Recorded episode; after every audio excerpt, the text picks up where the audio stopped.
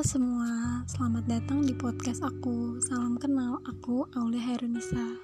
Di sini aku mau bawain podcast tentang persahabatan. Apa sih arti sahabat buat kalian? Orang yang selalu ada atau orang yang menurut kalian udah deket sama kalian? Aku sendiri sampai sekarang belum paham apa itu arti sahabat. Aku punya banyak teman yang deket dan baik samaku. Tapi, untuk mencap dirinya sebagai sahabat itu agak susah bagi aku. Kalian gitu juga nggak? Banyak kata orang, sahabat itu ada di saat kamu senang atau sedih.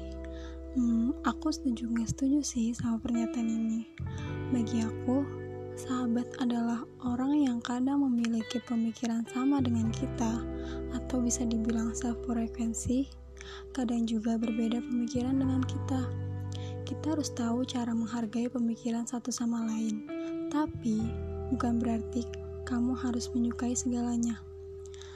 Sekian dulu ya podcast dari aku. Semoga kalian semua selalu dikelilingi orang baik dan sayang sama kalian.